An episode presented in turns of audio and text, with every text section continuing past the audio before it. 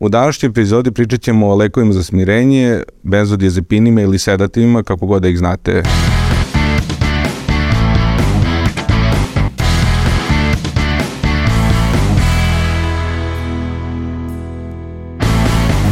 Odmah da naglasim, e, naš tim, svih naš šestoro je odlučio da naša epizoda, naša uopšte podcast neće biti finansiran od strane farmaceutske industrije, ne zato što ona nužno loša, već zato što je važno za kredibilitet da imamo tu jednu objektivnost koju nam ta vrsta neutralnosti omogućava.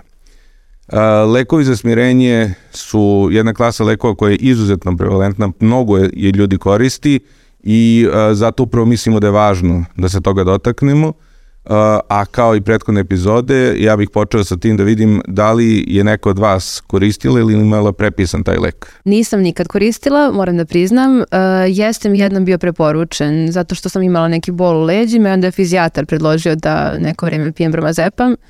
Međutim, da budem iskrena, to je bilo u toku ispitnog roka i ja sam imala utisak da bi to umanjilo moju sposobnost da učim, da bih bila manje skoncentrisana, a drugo, bojala sam se da je moja konstitucija nekako previše možda flegmatična i da mi to da mi ne bi prijalo, tako da nisam, nisam ni probala. A šta ti je rekao da, doktor kad ti je prepisao? ti rekao nešto dobro lekovima ili nešto loše ili ti je samo prepisao bez mnogo komunikacije? E, koliko se sećam nisam dobila nikakvo objašnjenje nije objašnjenja zašto. Ja sam se čak zapitala zašto, jer sam ja delovala napeto, jer sam se žalila na napetost, nisam. U stvari ideja bila to, e, to delovanje bromazepama da da opušta mišiće. Nije mi to objašnjeno, niti mi je objašnjeno šta, šta može da bude problem u vezi te upotrebe.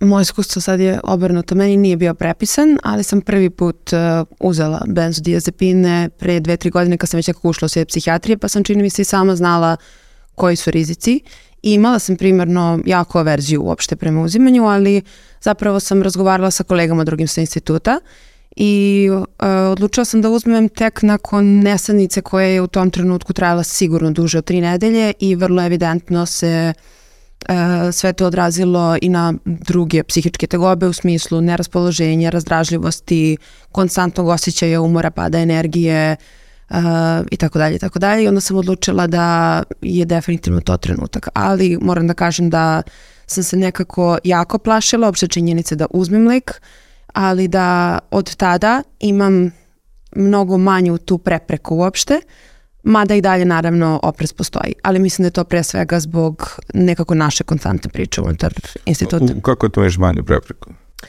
Pa mislim da taj prvi put kad sam ga uzela, uh, jedno pa eto tri nedelje zapravo sam vagala da li da uzmem, da li da ne uzmem. Kako će to odraziti na mene, da li sam ja zbog toga slaba, da li je to zaista nešto s čim ja ne mogu da se izborim. I ne kažem sad nisam, ja nastavila da uzimam konstantno i dalje po potrebi. Znači, poslednji put je to bilo pre recimo 3-4 meseca usled, opet kažem, nesanice koja ja mislim da u tom trenutku jeste bila uh, uzrokovana nekim objektivnim životnim okolnostima koje su bile teški, za koje sam znala da će proći, ali da jednostavno ja u tom trenutku nemam pretarano uticaja na njih. Dobro, sad ja. uh, ja sam uh, iznađujući kasno, negde u 20. godinama, pa tu negde možda malo sam bio mlađeg nego vi, sam počeo da dobijam strašne strahove u avionu koji su po mojoj proceni išli do nivoa, sada kada gledam, išli do nivoa paničnih napada, znači potpuno su, u jednom trenutku sam krenuo da ustajem u avionu koji je već u, u vazduhu da izađem, jer ne mogu, imao sam užasne fizičke manifestacije žmakke po celom licu, uh, napeto, sećam se jednom onako sedim i sad dišem, katastrofa se osjećam ja sad mislim tu sam sam sobom i prilazi mi neko dete i ovako po kolenu me tapše u sred aviona i kao bit će u redu, ja se okrenim vidim da ga poslao tata koji je video da se ja raspadam u tom trenutku. I ja sam pokušavao različiti, na različit način to da prebrodim i možda ću mi pomenuti neka vrsta i kao ekspozicija mi je bila ideja, ali prosto toliko redko letim, letim, letim dva put godišnje tamo negde i pa nazad maksimum, a sad i ređe sa ovim covidom i to, da prosto nisam imao priliku za ekspoziciju, jednom trenutku više nisam mogao i što ti kaže, dugo sam vago, dugo sam, neću, ja ću sam ovo ono, i onda sam uzeo za taj let, i potpuno mi je otklonio tu vrstu, da kažem, anksioznosti i sada letim, idem bez problema, čak onako prespavam avion, ali opet to, jednom, dva puta godišnje, znači maksimum da je uzimam lek van toga. A to mi je nekako i najvažniji deo ove priče, dakle, jedan od, da kažem, možda i povoda za ovo jeste da je u decembru 2021. znači pre godinu dana, uh, u broj 1 svetskom časopisu rad koji je analizirao stepen uh, potrošnje najrazličitijih uh, psihofarmaka, lekova psihijatrijskih uh, i po različitim klasama i sad uh, ono gde možemo da se, da kažem, uslovno rečeno pohvalimo jeste da je Srbija broj 1 po potrošnji ovih lekova. U, od 65 zemalja koje su gledali, s tim što možemo pretpostaviti da je onda to verovatno i broj jedan u svetu, jer su to zemlje koje najbolje prate i plus i kažemo u Evropi imamo više struko veći prosek nego u Evropi koja je broj jedan u svetu po potrošnji i tako dalje. Tako da negde očigledno ok, ti nisi koristila, ja koristim dva put godišnje, ti koristiš uh, jednom u tri meseca, ali negde u Srbiji se to mnogo koristi i mnogo ljudi upotrebljava i mnogo redovno i to nažalost smo vidjeli i u praksi. Uh, pa eto me interesuje da li, da li ste vi imali iskustva i kako su vaše iskustva s pacijentima, koliko uzima i da li uzima na svoju ruku ili prepisane ili... Pa, e, pre nego što odgovorim na to, samo bih htela da se malo vratim na ovo što si rekao vezano za ovaj rad. Mene u stvari sad, kako sam te slušala, slušala je interesovalo e, da li je to broj e, zaista potrošenih lekova ili broj propisanih lekova, jer mislim da tu postoji u stvari ogromna razlika. E, da, apsolutno je, ti ne, naravno ne možeš da znaš nikada, oni su uzimali statistiku uh, prodatih lekova, dakle oni, oni nemaju, da, nemaju tu mogućnost da naravno znaju ko je tačno koliko proguto lekova, to je nemoguća analiza. Dobro, ali to je možda i preciznija analiza, jer su to prodati lekovi, a ne samo oni koji smo mi napisali i preporučili da, i tako dalje. Da. E pa sad tu možemo onda da dodamo informaciju koja je izašla u okru preporuke za odgovornu upotrebu benzodiazepina da je kod nas preko 20% populacije koristi benzodiazepine u 2020. to je bilo u tekućoj godini što opet postoji razlika pre i posle epidemije koronom. 25% dodatno je bio porast usred pandemije, kako benzodiazepina, a 10% je takođe bio porast antidepresiva. A sad, ajde Sanja, što se tiče... Da, da, da se vratimo iskustva. na pitanje. Što se tiče kliničkog iskustva, um, opet ja ovaj, radim sa adolescentima, uh, ne propisuje se strašno mnogo. Kad se propisuje, propisuje se uh, najčešće privremeno i uh, obično po potrebi zapravo uz ukoliko je potrebno terapiju koja bi trebalo da leči osnovni poremećaj koji je, ko, za koji se prepostavlja da, da se pacijent zbog njega javlja. Uh, Tako da nisam sigurna, čula sam priče naravno o zloupotrebi u smislu upotrebe tuđih e, sedativa i u smislu prekomerne upotrebe i u smislu upotrebe lekova zajedno sa alkoholom, što verovatno ćemo malo spomenuti koliko je naročito opasno. Ali ne mogu da kažem da, da imam uh, utisak da, da, da je barem u ovoj adolescentnoj grupi koju ja vidim da je toliko uh, prevalentan problem. A kako je stanje u odrasloj psihijatriji? Uh, pa opet, evo što je Lepo Milton rekao, nekako ti, korist, ti ne koristiš, nas dvoje koristimo i nemamo mi tu realnu sliku kad gledamo samo uzorak ljudi oko nas koliko je to zapravo veliki problem. Opet ću se vratiti na ovu uh, preporuku za, za upotrebu. Uh, po statistici preko 80% pacijenata koje izađu iz bilo koje psihijatrijske ustanove izađe sa prepisanim benzodiazepinom, bez obzira na to koja je dijagnoza, odnosno koja je primarna patologija zbog koje je neko došao. To je zaista ogromna cifra i meni se čini onako, to sam od starta primetila da su to definitivno lekovi koji su gotovo uvek nekako prisutni prilikom lečenja.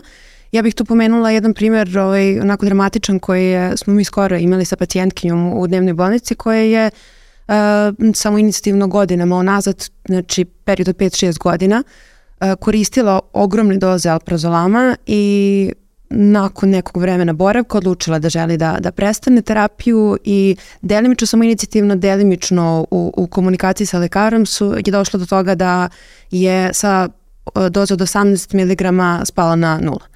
I to čemu smo mi svedočili kasnije dok je ona bila u dnevnoj bolnici je onako zaista bilo teško zagledati.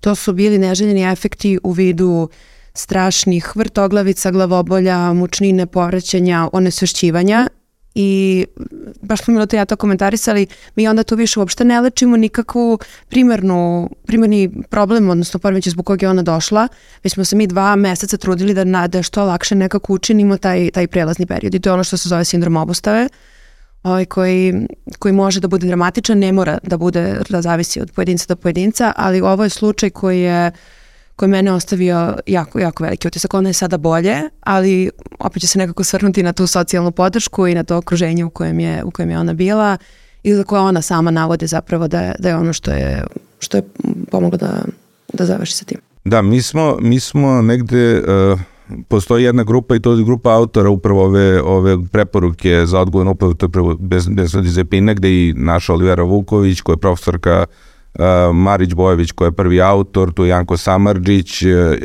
koji je za farmaceutsko koji puno radi sa tem temom, problematikom, ali smo upravo prepoznali da postoje dakle dva, dva aspekta ovog problema. Prvi aspekt jeste uzimanje na svoju ruku i to je što si rekla sama je uzimala i to je to je taj, meni deluje da ogroman broj pacijenata pravi tu jednu distinkciju u glavi ovo je lek, ovo je droga i onda kao pa ovo je lek, to je onda dobro i to je u redu i da, da, da čini mi se, mislim, meni uvek onako, ja volim da se šalim, imam e, e, tako često u okviru prvog razgovora, mi pitamo e, jel koristite nekakve droge, pušite alkohol i tako dalje, alkohol je droga, ali to je sad šira, šira tema, e, pitamo takve stvari i onda kad je posebno starije generacije, ja oni slučajno, ja droge ni ne pipam, to je strašno i tako dalje, dobro, uzimate neke lekove, pa uzimam, eto, bromazepam na svoju ruku već 10 godina.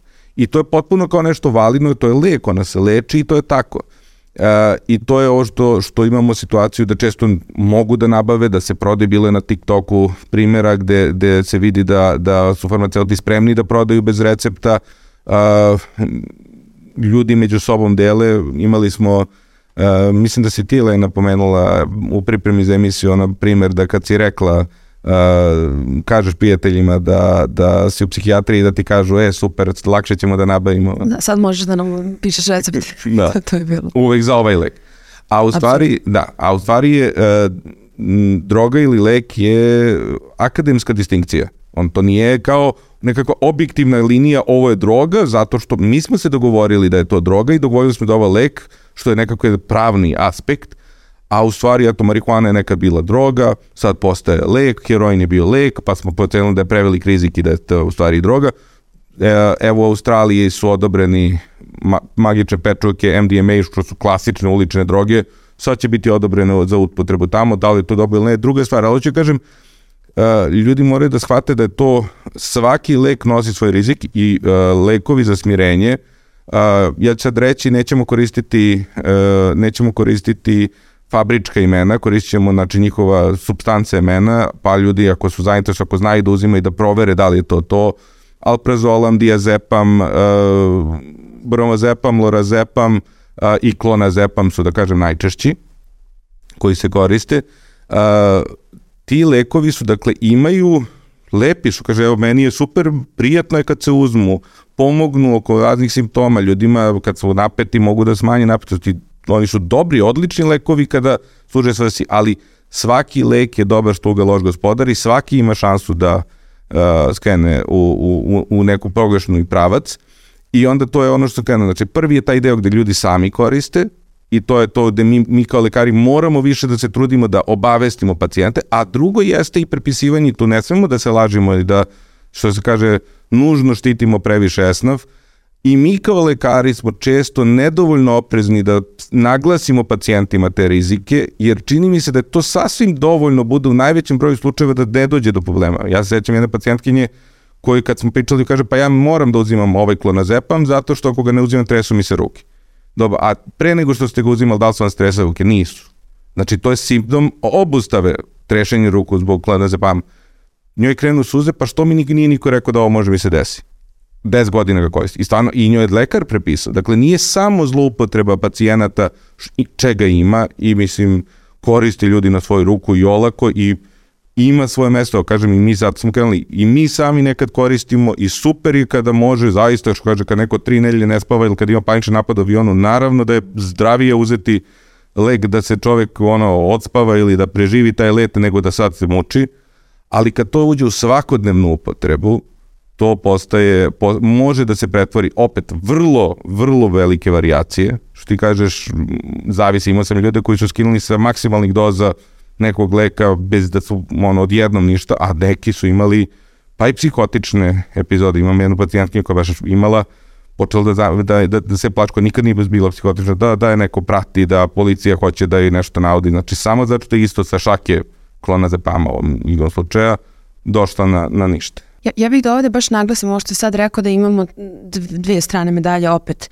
Uh, da može biti problem i to da ljudi koriste na svoju ruku, ali da sa druge strane takođe lekari jednostavno ne predoče rizik, jer po smernicama, odnosno po zakonu u našoj zemlji, e, lekar drugih specijalnosti, dakle ne psihijatar, ne neurolog, mogu da prepišu benzodiazepine na period od tri meseca u okviru jedne godine i da se vrlo često prepisuju zaista bez neke jasne terapijske indikacije koje su vrlo ograničene i vrlo znamo zbog čega bi trebalo, zašto ne bi trebalo. To si ti upravo Milutine pričao primjer za, za kardiološke uglavnom intervencije kada se daju, kada se nekako čini mi se samo eto prepišu jer je pretpostavljam to i ušlo malo i u naviku, a malo e, malo se razumem lekare koji su nemoćni ako neko u tolikoj panici dođe ispred tebe i sedne i kao čak i da znaš da možda je stvarno ne bi trebalo prvo to da uradimo, znači to nije i nije terapija prvog izbora, da nekako i zbog sebe i zbog njega moraš nešto da učiniš i da je to problem. Druga stvar, ovaj, kad, je, kada je prvi put uopšte pokrenuta priča o zavisnosti od benzodiazepina, nekih 80. godina, 20 godina nakon što su oni uopšte izašli na tržište,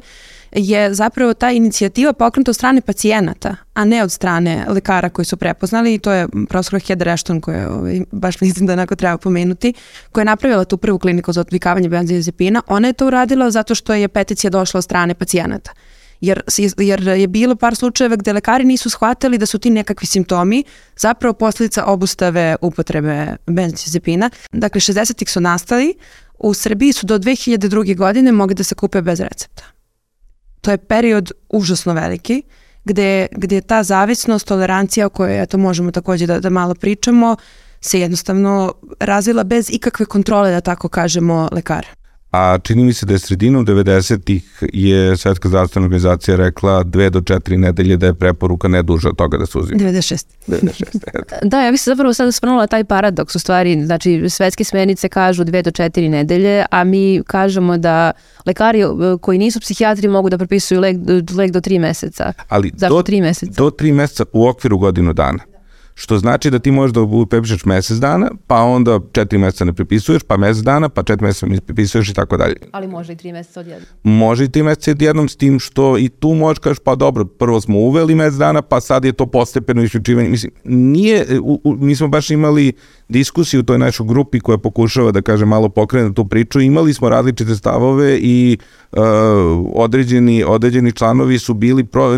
deo nas je na primjer bio za to da se menjaju te, da, da mi kao grupa izađemo i tražimo da se menjaju smernice, da se smanji taj broj, a drugi su bili protiv jer su opet kažem uh, jer jeste praksa jedno, a, a teorija drugo i zaista je užasno teško naći tu balans. Ovo što meni sviđa što je rekla Lena, znači ja prepisujem ove lekove zaista redovno. I ja zaista mislim da su to super lekovi kada, i, kada se koriste na način kako treba i a način kako treba je, čini mi se isključivo, mislim da to nije toliko čak nužna ta uh, legislativa. Mislim da ja i kad smo tu mi diskutovali o toj legislativi promenama kako, koliko će smeti, ne, da nije suština u tome da li će, jednako sami nabavljaju često na svoju ruku, već više da bi se pokrenula tema, jer mislim da je to najvažnije. Ja sam imao slučaj uh, gde još pri početku svog rada, sećam se uh, da sam nekim kompacijentu prepisao po potrebi lek, da uzima kad mu jako teško i sve mu ovo ispriča. I meni jedna koleginica rekla, pa ne, to ne sme tako, mene su učili, tako se razvija zavisnost, nego mora da se uzima u redovnim dozama tri puta dnevno da bismo mi imali kontrolu.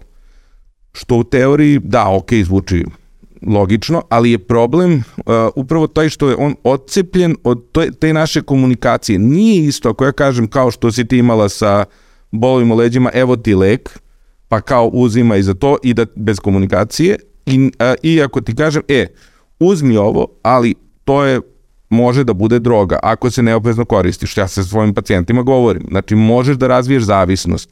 A, koristi jedno kraće vreme, nemoj, ako se ne osjećaš, nemoj, nemoj svaku napetost, i to isto moramo da otaknemo, nemoj svaku napetost da tretiraš kao nešto što moraš na taj način da, da reguliš, samo ako je jaka napetost i tako dalje i tako dalje.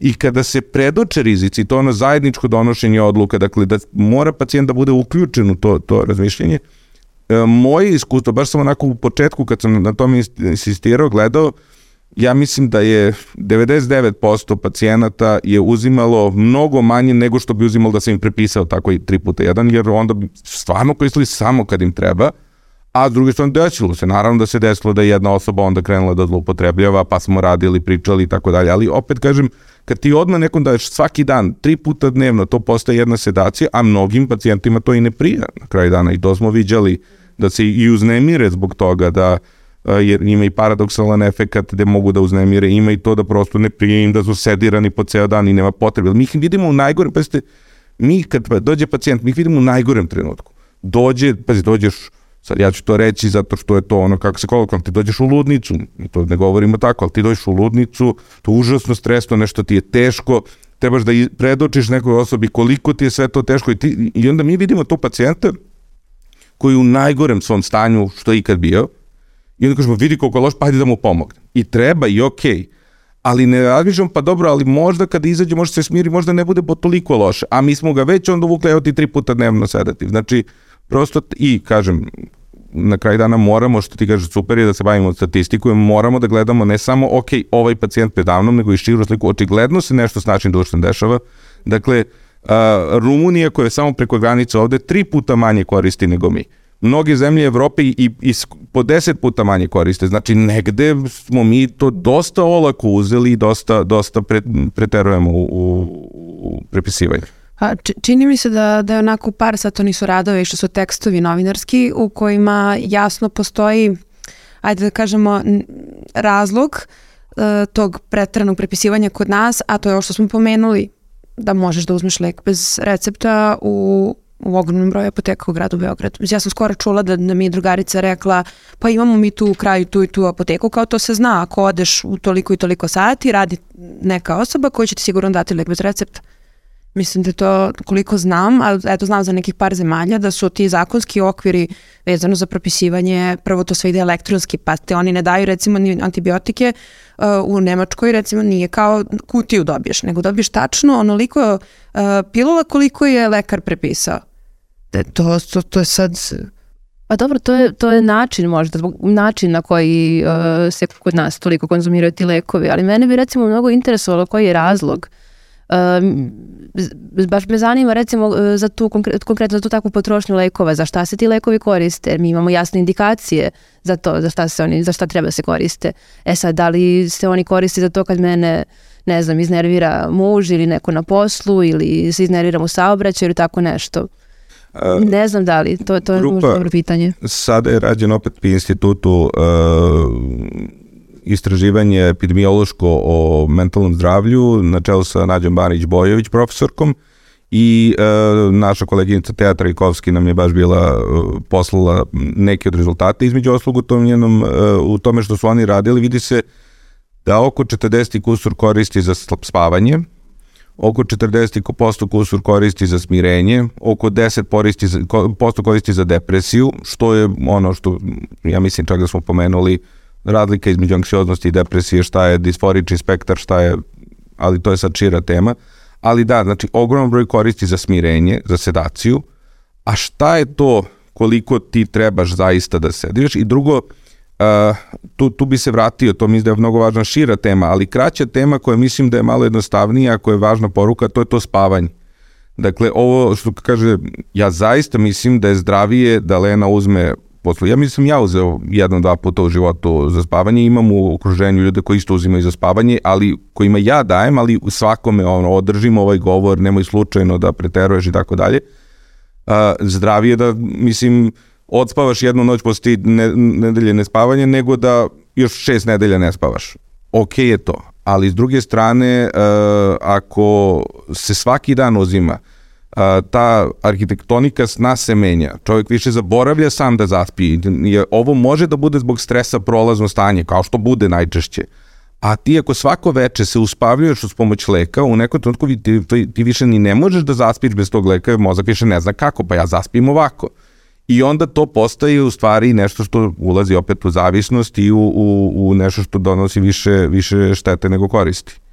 A, a za stres, jedna od onako strahova koje ja imam, to napeto što govorim, jedna od strahova koje imam jeste što često u, u određenim zemljama je došlo do smanjenja uh, potrošnje uh, benzodiazepina, odnosno dakle ovih uh, lekova za smirenje, ali porasla potrošnja antidepresiva, koji isto ima i svoje probleme, koji nije kao, e, ovo je bez veze, ovo je strava. Svaki nosi svoje određeni, možemo mi sad da diskutujemo i ovom ili onome, ali čini mi se da to jeste jedan psihološki model uh, gde se prosto ide iz te prizme, e, ima lako rešenje i naravno da je lako rešenje super, a opet ni jedno rešenje u stvari nije lako i sve to šarena laža kada kažemo, postoji privremeno lako rešenje. Dugoročno ne postoji i tu, tu uh, verujem da, da se jedna ta vrsta prevelikog poverenja u bezbednost takvih stvari ili da je to jedini način nešto što, što nosi priču. Ali izvini, toliko toga želim da. Da, pa razmišljam o tome kako si rekao da, da ima lako rešenje, a u stvari polazimo od toga da je to nešto za šta treba rešenje. Da, da, da ako se ja osjećam loše u bilo kom trenutku svog dana, treba da postoji neko rešenje da meni reši taj moj problem. E, mentalno zdravlje nije samo se osjećati dobro osjećati se dobro u svakom trenutku. Mentalno zdravlje i osjećati se loše u situacijama koje su loše, koje su stresne, koje su opasne. I mnogo tih loših osjećanja može i da se, da se izdrži tako? Da, ali opet problem kad ti što kaže, što kaže ne znam ko je, čini se Lena ili ti, kad ti dođe neko izbezumljen u, u ordinaciju, užasno se osjeća i ti kaže pa ne, izdrži care. Nekako, užasno je teško takvog čoveka poslati nazad bez da išta damo. Ja tu s te strane razumem, ja nemam toliko ni problem, eventualno kažem ponekad, ali ovo što ti pričaš, isto što pričam. Znači, ček, ok, sad je najgore uzmi sada, ako tako mora, ali opet rizici su ti ti i ti, i ako je ponekad malo i loše, i to je u redu, to je što ti kažeš, to je signal, pa ja ako se ne osjećam, zamisli neko, umreti neko blizak, ti se ne osjećaš loše, pa mi bi rekli ovaj čovjek nije normalan. I nije normalno, normalno je da se osjećamo loše i to je što ti kažeš, to je zdravlje da se osjećamo loše kad nam je teško ali je, kažem, taj balans između ta dva i, i to je uopšte ta jedna poruka koja se čini mi se šalje, e, mentalno zdravlje, to je ono što ja imam malo problem s tim konceptom mentalnog zdravlja, jer čini mi se, kažem, da upravo to on bude uzet kao jedan sinonim za mentalno dobrostanje, ja se ne osjećam lo, lo, dobro, e, idem kod lekara. Pa ne moraš da ideš kod lekara, jer kad već dođeš kod lekara, e, onda mi ulazimo u problem, pa kako ja da ti kažem ne? I onda, kažem, to dovodi, čini mi se, do do rizika koji mogu da načine veću štetu nego korist, što sa benzodiazepinima kao jednom klasom vrlo jasno i vrlo lako vidimo jako često. Da, ali zapravo što, što smo malo pre pomenuli da benzodiazepini nisu terapija ni prvog ni drugog izbora za anksioznost, prva je psihoterapija.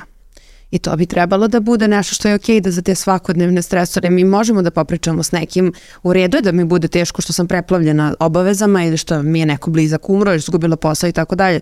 Potpuno je okej okay da bude teško, a opet je okej okay da nam treba podrška. E sad mislim da i mi kao lekari u trenutnom zdravstvenom sistemu imamo problem jer broj pacijenata, evo imalo ti na kojoj radiš u dispanzeru, znaš koliko, koliko dnevno pacijenata prođe, koliko je malo vremena, zapravo uopšte imaš, imaš prilikom kontakta, a sa druge strane moramo da se, da se trudimo da ipak svaki put nekako sa čini mi se ogromnom dozom opreza i, i predočimo sve, sve te rizike pacijentu. A, a onda drugi aspekt, e, kutija bromazepama 300 dinara, jedan razgovor koji ti traje ceo mesec, a jedan razgovor x hiljada dinara.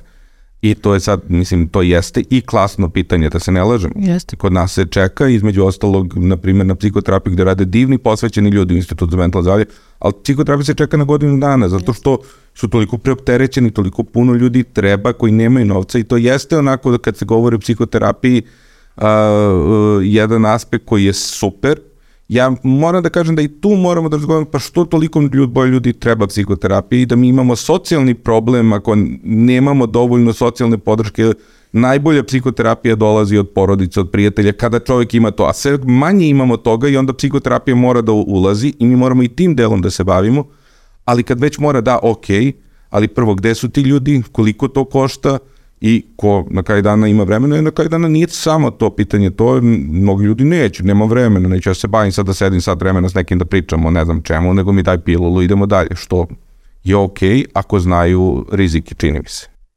I činjenicu da, da pilula uglavnom na dugoročno neće raditi ništa što se tiče opet sad zavisi naravno o čemu pričamo, ali evo mi imamo dokaze da na period od 2-4 nedelje zato jesu preporuke, su efikasni benzodiazepini, a sve preko toga apsolutno nemamo ni jedan dokaz da, da, da bilo šta rade dugoročno. Odnosno, odnosno, to je oni polako u stvari skliznu iz terapije anksioznosti u terapiju uh, sindroma obustave. Znači, Zavisnosti. Tako je. Dakle, ti u stvari onda to, jer, uh, mislim, ljudi moraju da shvate koliko to mora da bude intenzivno. Ja sam imao pacijenta koji prosto nisu uspeli da se skinu. Mnogo je lako uključiti lek, bilo koji lek, posebno ove, a mnogo ga je teško isključiti. I onda to bude zaista onako kao, kao ova naša pacijentkinja iz dnevne bolnice, samo što to traje pa u, dispan, pa u, u, u ovako u svetu i posto kažu ne mogu, ne mogu, ja ne mogu da funkcionišem više i onda se vrate i uđu u hroničnu upotrebu, što, kažem, možda nije ni najgora stvar na svetu, ali je nepotrebna, nije tu problem tu gde smo sad.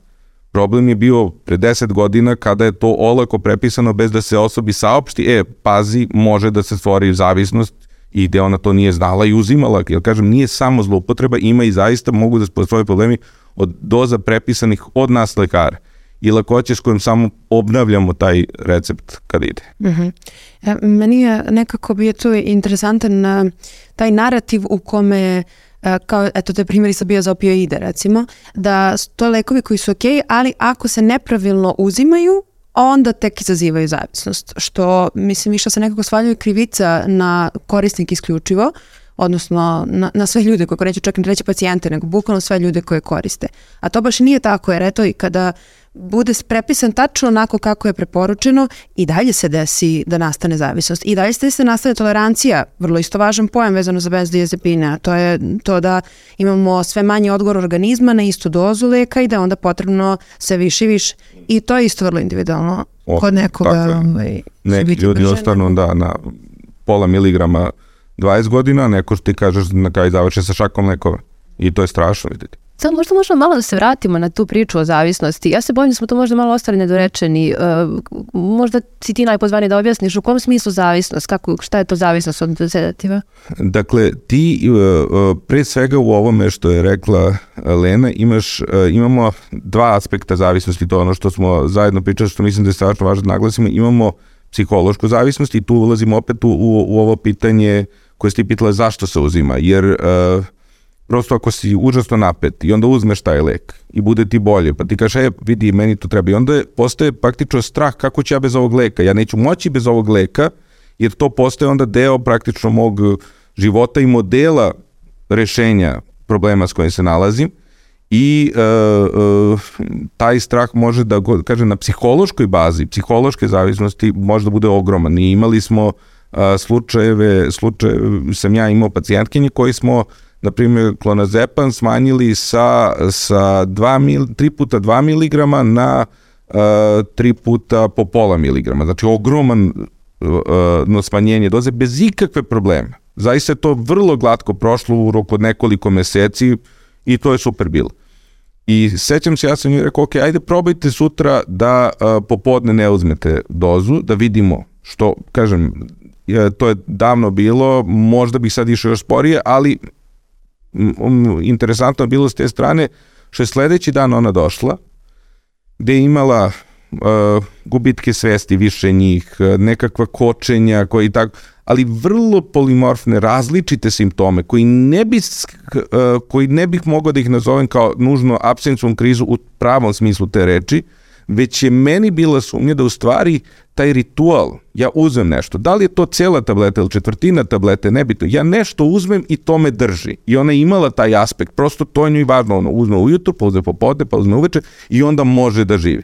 I u stvari da je sam taj ritual nju preplaši, pa ja sad ovoga nemam i da je onda krenulo potpuno, e, to zove psihosomatski da manifestuje, dakle, te svoje strahove na hiljadu različitih načina.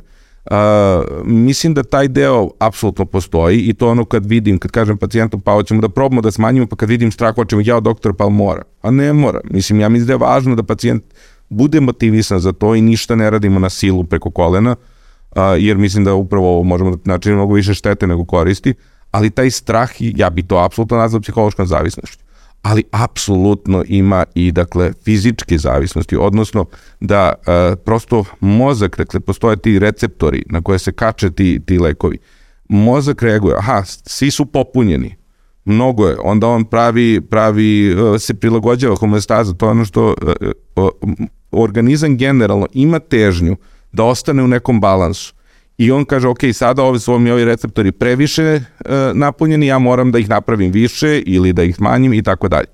E, I onda kada krene da se skida lek, odjednom čovek ima previše sva tih receptora slobodnih, zato što to nije isti mozak koji je bio pre nego što su uključeni ti, ti lekovi i kreću različiti fizički simptomi, eto kažemo u pacijentkinje poslednje koje smo imali, koja imala baš onako izraženo to trzanje, kažem imao sam pacijenta kojima se tresu ruke, koji prosto onda nesanice strašne krenu kada, kada se čovjek skine uh, sa, sa tih lekova. Ponekad, kažem, vrlo moramo da budemo to oprezni, nekim ljudima skinu se i ništa ali određen broj ljudi ima jako, jako intenzivne te fizičke manifestacije da im pali lek i onda kad uzmu, onda to prođe i onda se praktično uh, ulazi u hroničnu upotrebu. Čini mi se da to zapravo onda problem što mi gubimo taj dobar efekat uh, bez diazepina, jer jesu super lekovi za određene za određene aspekte i super je kad možemo da damo nekome da sakutno smire, a to onda podrazumeva, odnosno ja uvek nekako onda više verujem da će imati bolji efekat kada znam da pre toga ili je povremeno uzimao ili nije uzimao i tako dalje i tako dalje i onda eto znam da ću u tom trenutku odraditi svoj posao, nastavljamo sa drugim vidovima terapije i to je to. Mislim, ja, ja se tako trudim ja upravo za svoj primer, a opet naravno i za pacijente. Apsolutno, meni je to, meni je to onako baš uh, ogroman problem u radu gde imam pacijente koji imaju hronično koriste ono, 5, 10, 15 godina i dolaze užasno anksiozni, uh, strašno, strašno preplavljeni tom anksioznošću, gde ja više onako sad pobamo s nekim drugim klasama i tako dalje, ali u stvari su u velikoj, ogroman deo tog pacijala su vezane ruke, više ne rade lekovi, a ima, nažalost, ima one koji su onda i sa drugim klasama lekova pokušavali, pa je onda, mislim, bilo, mi smo, na primer, mislim da je i to je koleginica uh, uh, iz, iz dnevne bolnice dala odličan savet uh, kod pacijentkinje koja imala izražene tegobe, mi smo uključili pregabalin, koji isto ima smirujući efekat uh, i on je njoj pomogao da taj deo sa, sa uh, skidanjem splenozepama prođe bolje, mm -hmm. A, ali smo odmah na početku rekli moramo kratko, zašto? što i on izaziva i zavisnost i toleranciju i mislim u Škotskoj imaju ogroman problem sa zloupotrebom tih lekova jer mislim to su sve lepo je kad se čovjek može se opusti, znamo imaju ulični što se prodaju po Americka, nije samo kod nas problem zlo, ovih lekova, to je svetski problem, Amerika je tu vrlo visoko, oni isto imaju katastrofe s tim. I ono što mi je interesantno, ja bih se tu vratio istorijski, znači ti si pomenula uvedeni nekih 60-ih, 70-ih, onda je 80-ih i, uh, i, i jeste, jeste onako vrlo interesantan i, i da kažem pozitivan lik, ta Heather Ashton, onako uh, i kad sam vidio, sad sam vidio prvi put njen ono intervju u filmu koji ćemo pomenemo, ovaj, ne intervju, nego deo njenog govora, onako deluje mm -hmm. karizmatično, ovaj, e, uliva poverenje.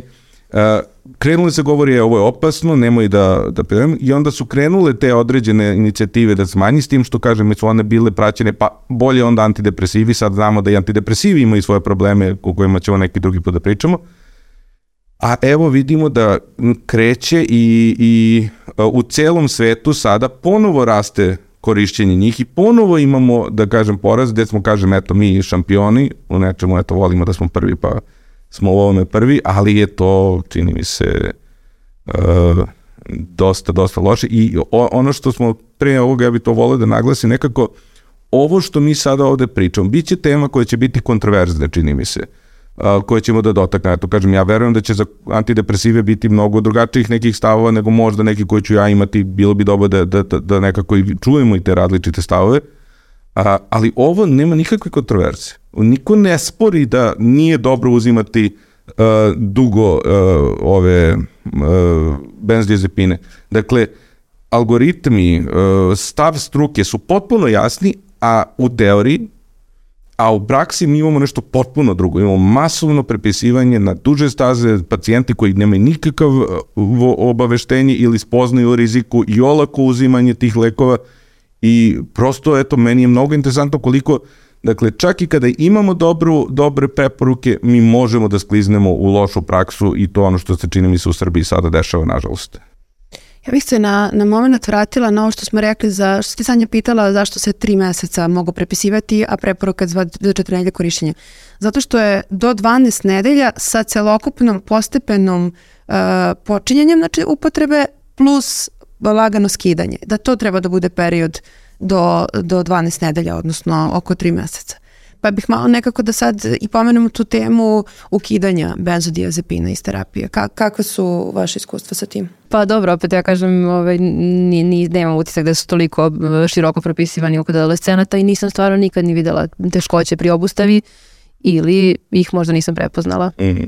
To može lako da bude i to je ono što imamo i sa antidepresivima problem da ponekad se to, ta obustava ili sami pacijenti ili mi lekari procenimo kao vraćanje simptoma, jer to je, a u stvari to sad postaje nešto drugo.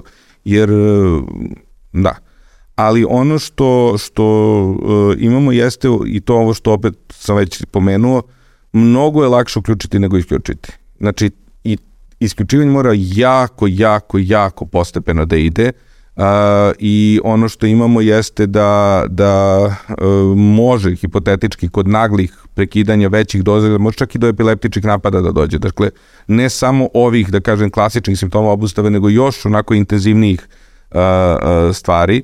Uh, s te strane, uh, tu se bukvalno ide po promil. Hipotetički to zove hiperbolična redukcija. Trebalo bi da se ide po, na primjer, 5%, 2% od ukupne doze na par nedelje.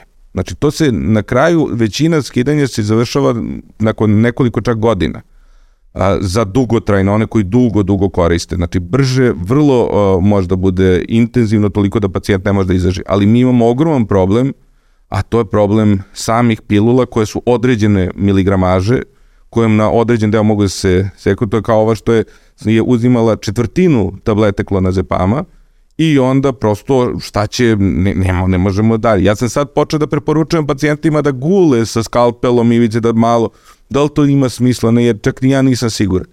Ali ima, ima onih e, priča de, de, i to bih morali da se raspitamo, na primjer, da kod nas ima, ja nisam čuo da se prave uh, uh,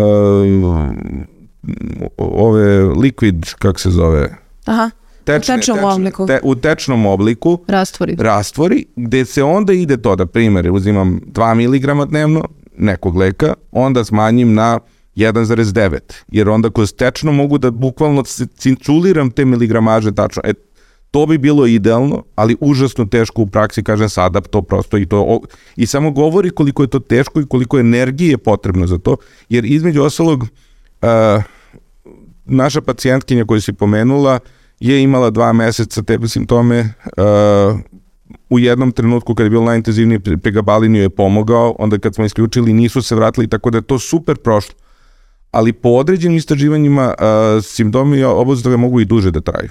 Mogu da mesecima i mesecima da prave uh, probleme i to se, kažem, sve više spoznaje i da to nije samo kao pa prekini izdrži dve nedelje pa prođe. Ne, to može da bude jako dugo, jako intenzivno i zato, kaže, mora jako sporo da ide, a užasno je teško. Da, ja, ja sam se sad setila i ovog primera kao tapering je taj zapravo pojam tog postepenog, ali jako, jako polako skidanje.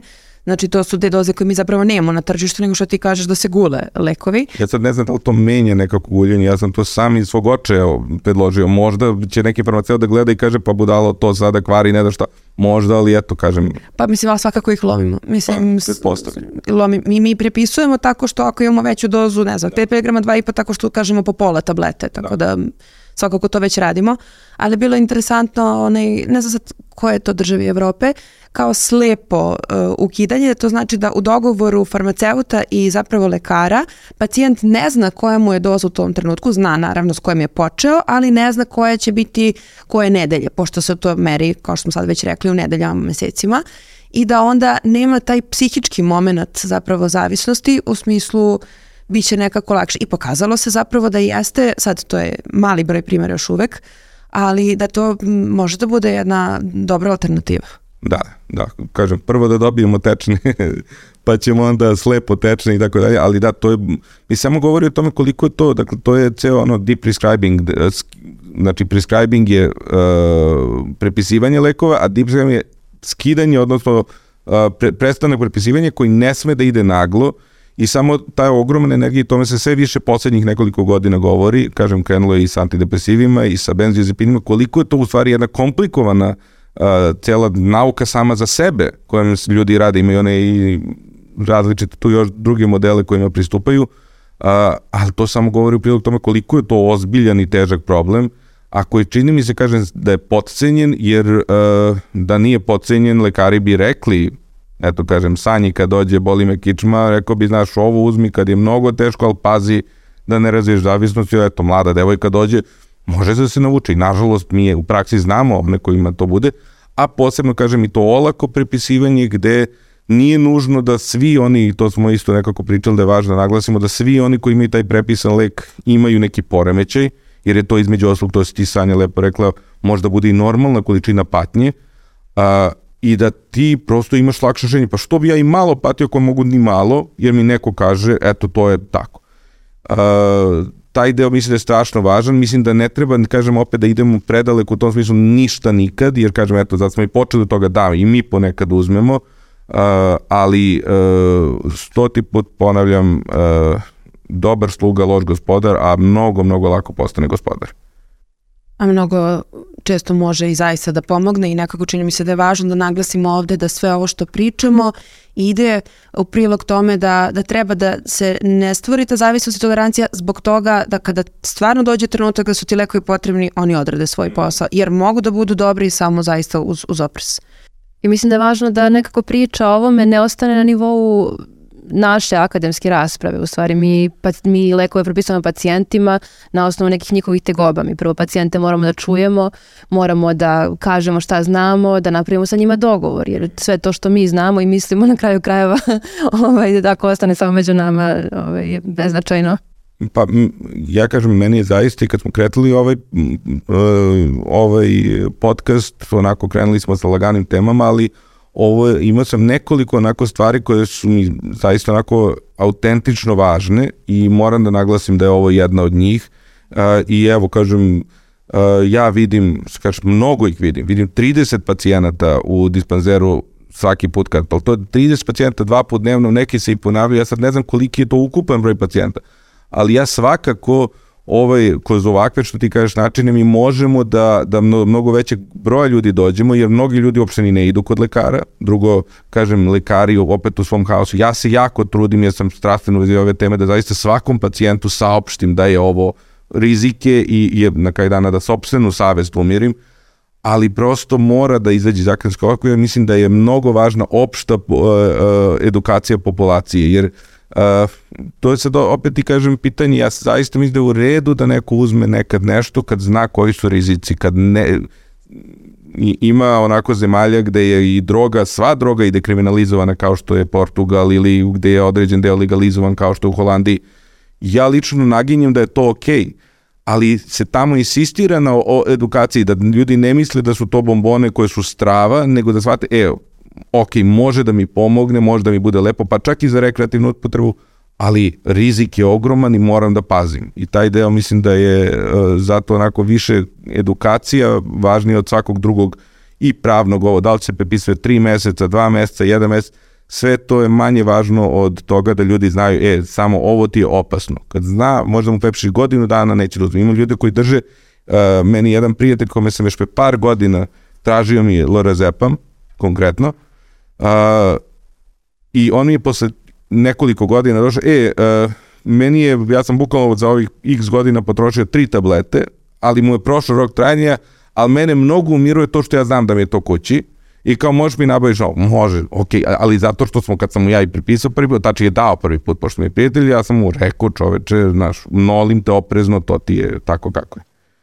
A sad, e, što kažeš da je edukacija važna, slažem se, a sa druge strane imamo uh, jednu potpunu normalizaciju uzimanja ovih lekova u kulturi. Mm. Zar ne, baš se lepo ovim smernicama spominje pesma Rolling Stones, to, to mi je bila asocijacija, ali i u filmovima uzimanje sedativa je prosto kao neko, predstavljeno je kao neko lifestyle rešenje mm. za svaku vrstu nelagodnosti. Možda je to ono što što je ovaj, neka vrsta neprijatelja u ovom edukativnom delu. I to i antidepresivi isto I antidepresivi, to, to je sad da. potpuno kao nešto što je, a što ti kažeš, što je moramo postaviti pitanje, a, ako u Srbiji 20% populacije koristi benzodiazepine, leko za smirenje, ako u Škotskoj 20% ljudi koristi antidepresive, mi imamo postavljeno, čekaj, zašto jedno u pet ljudi osjeća toliku patnju, znači to je, opet kažem, to je političko pitanje, znači to, a, a problem sa medicinom je što nas ona zatvori u svoje četiri zida s tim jedan na jedan pacijentom i mi imamo taj deo, ja moram da pomognem ovom ovde pacijentu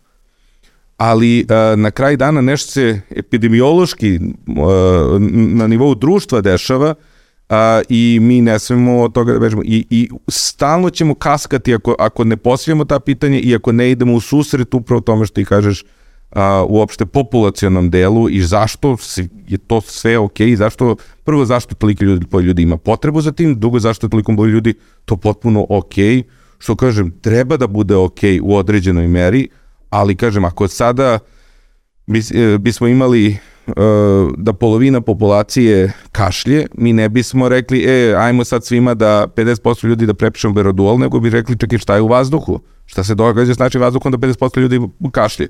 A mi ne kažemo, pa čekaj, šta je u vazduhu da je toliko ljudi anksiozno ili nesećno, ili ovo, nego kažemo, pa da, evo svima antidepresiv ili uh, benzodiazepin. To je upravo taj deo koji mislim da je užasno važno, ali to je tek široka tema koju ćemo još da dodirujemo. I ako gledamo tu napetost ovaj, analogno sa bolom, u redu je kupirati bol, leko protiv mm. bolova, ali u nekom momentu treba da se zapitamo zašto to nešto boli, mm. šta je to što toliko boli.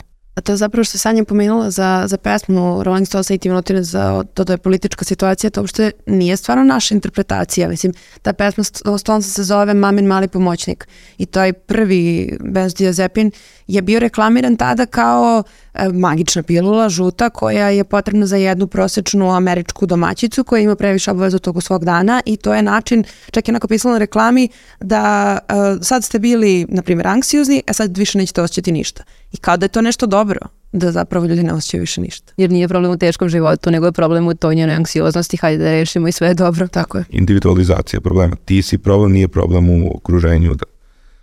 A um, sad mi smo naglasili taj deo da je, da je uh, ovo problem Srbije, što apsolutno jeste problem Srbije, jer imamo jasne statističke podatke koji govore da je ovo uh, problem nacionalni, a, ali nismo usamljeni u tome i meni je onako interesantno i hteo bih da pomenem da smo svi zajedno s pripremi, u pripremi za ovu emisiju gledali Take Your Pills, Xanax film na Netflixu koji puno ovih stvari koje smo mi pomenuli usput je nekako čini mi se dodirno, pa evo da vidim ili vam se svideo i kako vam se svideo.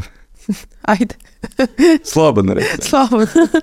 u kontekstu ne priča o pažnji. Da. Ovo je meni bio jako dosadan u početku. Nekoliko puta sam ga prekidala i nastavljala.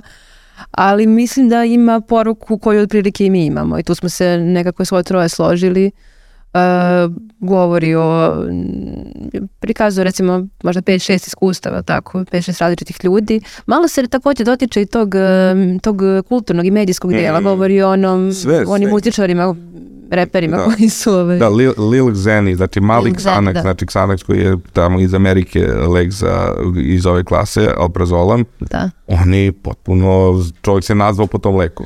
Mnogo mi se dopao deo kada uh, ne on, nego neki drugi uh, muzičar govori o tome kako uh, i muzičari treba da preuzmu odgovornost za taj deo promocije preterane, na primjer, upotrebe i zloupotrebe u stvari ove klase lekova. I evo tako mi kažemo, mi lekari treba da preuzmemo odgovornost. Apsolutno i mi treba da preuzmemo odgovornost. Little, kako god bio nastavak je zapravo posle toga i krenuo u tu uh, kontrapriču, da se on zaista jeste postao zavisnik od uh, Xanaxa i da je posle prestao sa tim. Meni se dopada, mislim, sviđa mi se narativ, sviđa mi se atmosfera, poruka koja šalje, sve mi se dopada. Sad nisam nikakav filmski kritičar, ali produkcija malo, Netflix sam onako, ne znam, jeste američki nekako posljedna cijela priča, ali mi se dopalo, ne mogu da kažem. I vrlo mi je edukativno i dosta sam stvari nekih saznala, što kažeš ovaj govor. Uh, Heather Ashton mi je, mi je bio definitivno najljepši deo, pa sam iz toga onda krenula dalje da pričam o tome. Sve o svemu meni se dopada. Meni je bio interesantan, neću, meni je baš, možda mi je malo sporiji početak, ali ne mnogo, 5-10 minuta i onda mi je bio super i kažem, sve nekako sam imao asocijacije, uh, je, a nisu ovo rekli i zaista onda kažu, onda i to. I zaista je onako jedna celokupna široka priča doktorskih su ovih kulturalnih elemenata uh, i, i oslog, tako da mislim da onako ako nekoga zainteresuje ova priča, treba da baci oko, da može da, da uh, koristi, pa eto da, da se nekako produbi. Ja bih da sad ovdje odmah preporučim u jednu miniseriju koju smo gledali na Book Clubu kojeg nikako ne mogu da se setim sada naziva vezano za opioidnu krizu uh, u Americi. Dopsik. Da. Dopsik. Da, to bila preporuka. Slična priča, samo što da, kriza opioide 90-ih. Da, kriza opioide, ne, 2000-ih. 2000 Krenula je da, krajem 90-ih, da. ali, je, ali da, uh, ono što je i u ovom filmu uh, rečeno, uh, jeste upravo su oni napravili paralelu između zloupotrebe benzodiazepina i opioida kao stvari ljudske patnje, bola, psihičkog, fizičkog bola, gde se mnogo lako uđe u to da se samo kupira prosto sedacijom, bilo, kažem, hvala Bogu kod nas, ja nema, nema rasprostranjene upotrebe opioida i nadamo se da neće ni biti, a, ali eto imamo benzodiazepina i, i da može da se, da se vidi koliko lako i brzo i, mi, i tu je baš ta prizma lekara dobra, zato što se vidi koliko mi često iz najbolje namere zaista umemo da pravimo greške ili da prosto nemamo vremena da svaki element pre, prepoznamo i da, da se sklizne dalje.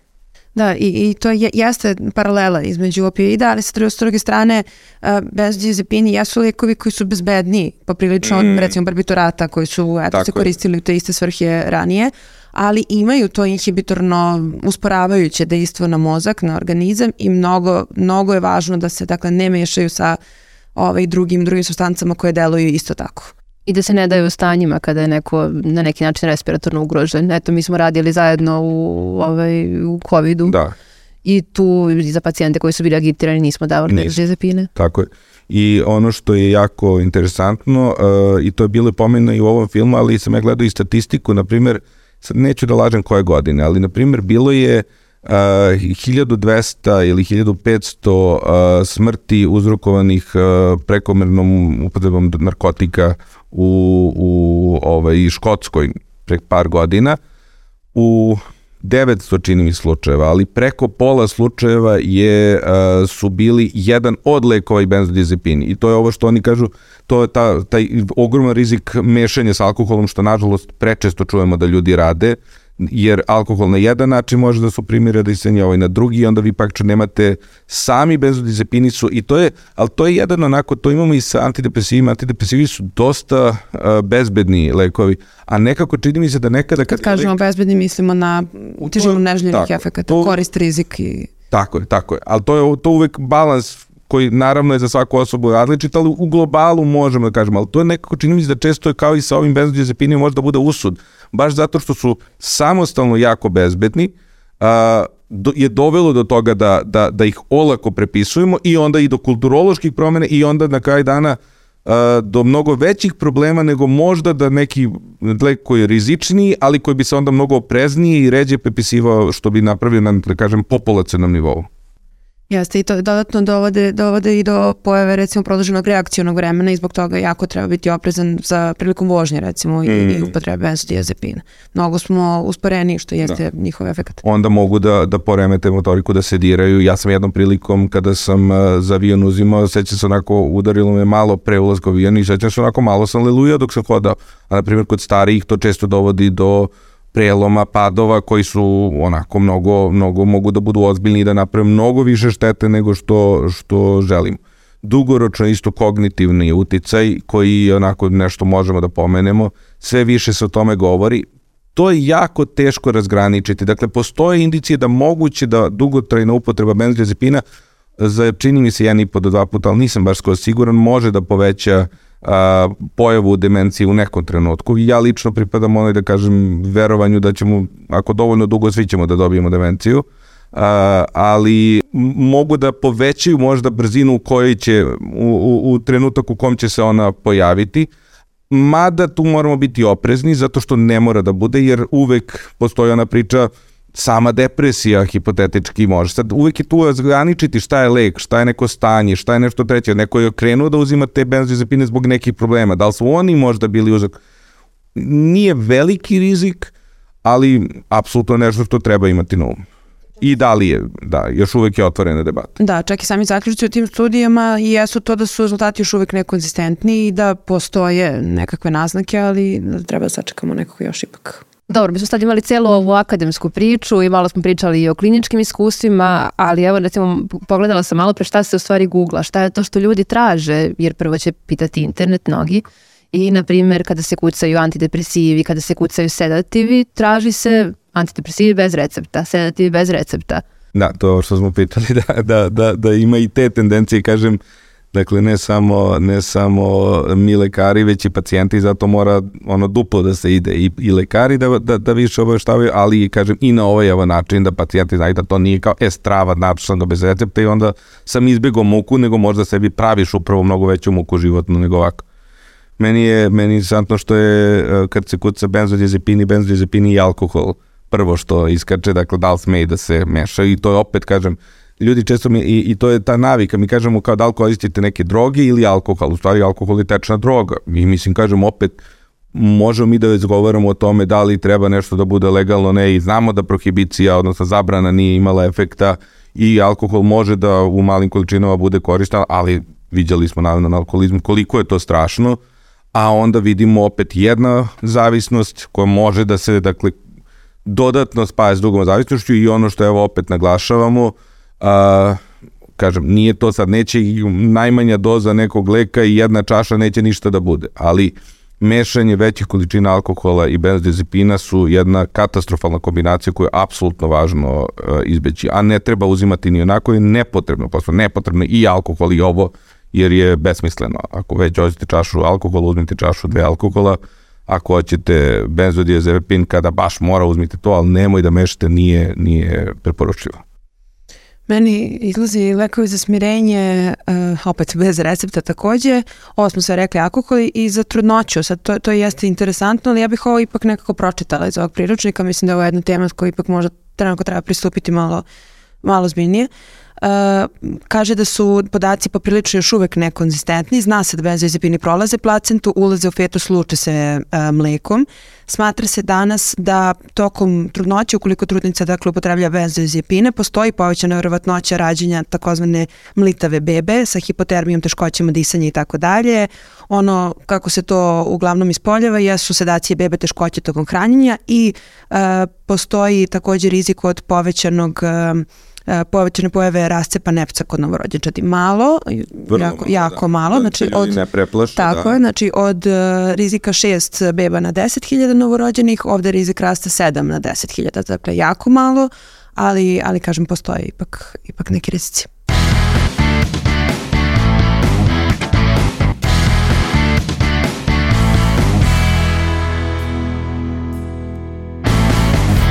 Hvala što gledate, hvala što pišete komentare. Naš mail je 2,5psihijatra.podmedia.rs Pišite nam sa eventualnim predlozima za, za emisije, epizode i šta vas interesuje. Ja moram, nažalost, da naglasim da nećemo odgovarati na direktne lične savete, jer prosto nije ni pametno na taj način komunicirati i apsolutno preporučujem da ako imate to uvestu potrebe se javite svom psihijatru, uh, ili u svom domu zdravlja ili u nekoj bližoj instituciji. Uh, ovo je dakle više za jednu opštu, opšti razgovor o psihijatriji, slobodno pišite i radujemo se da, da čitamo.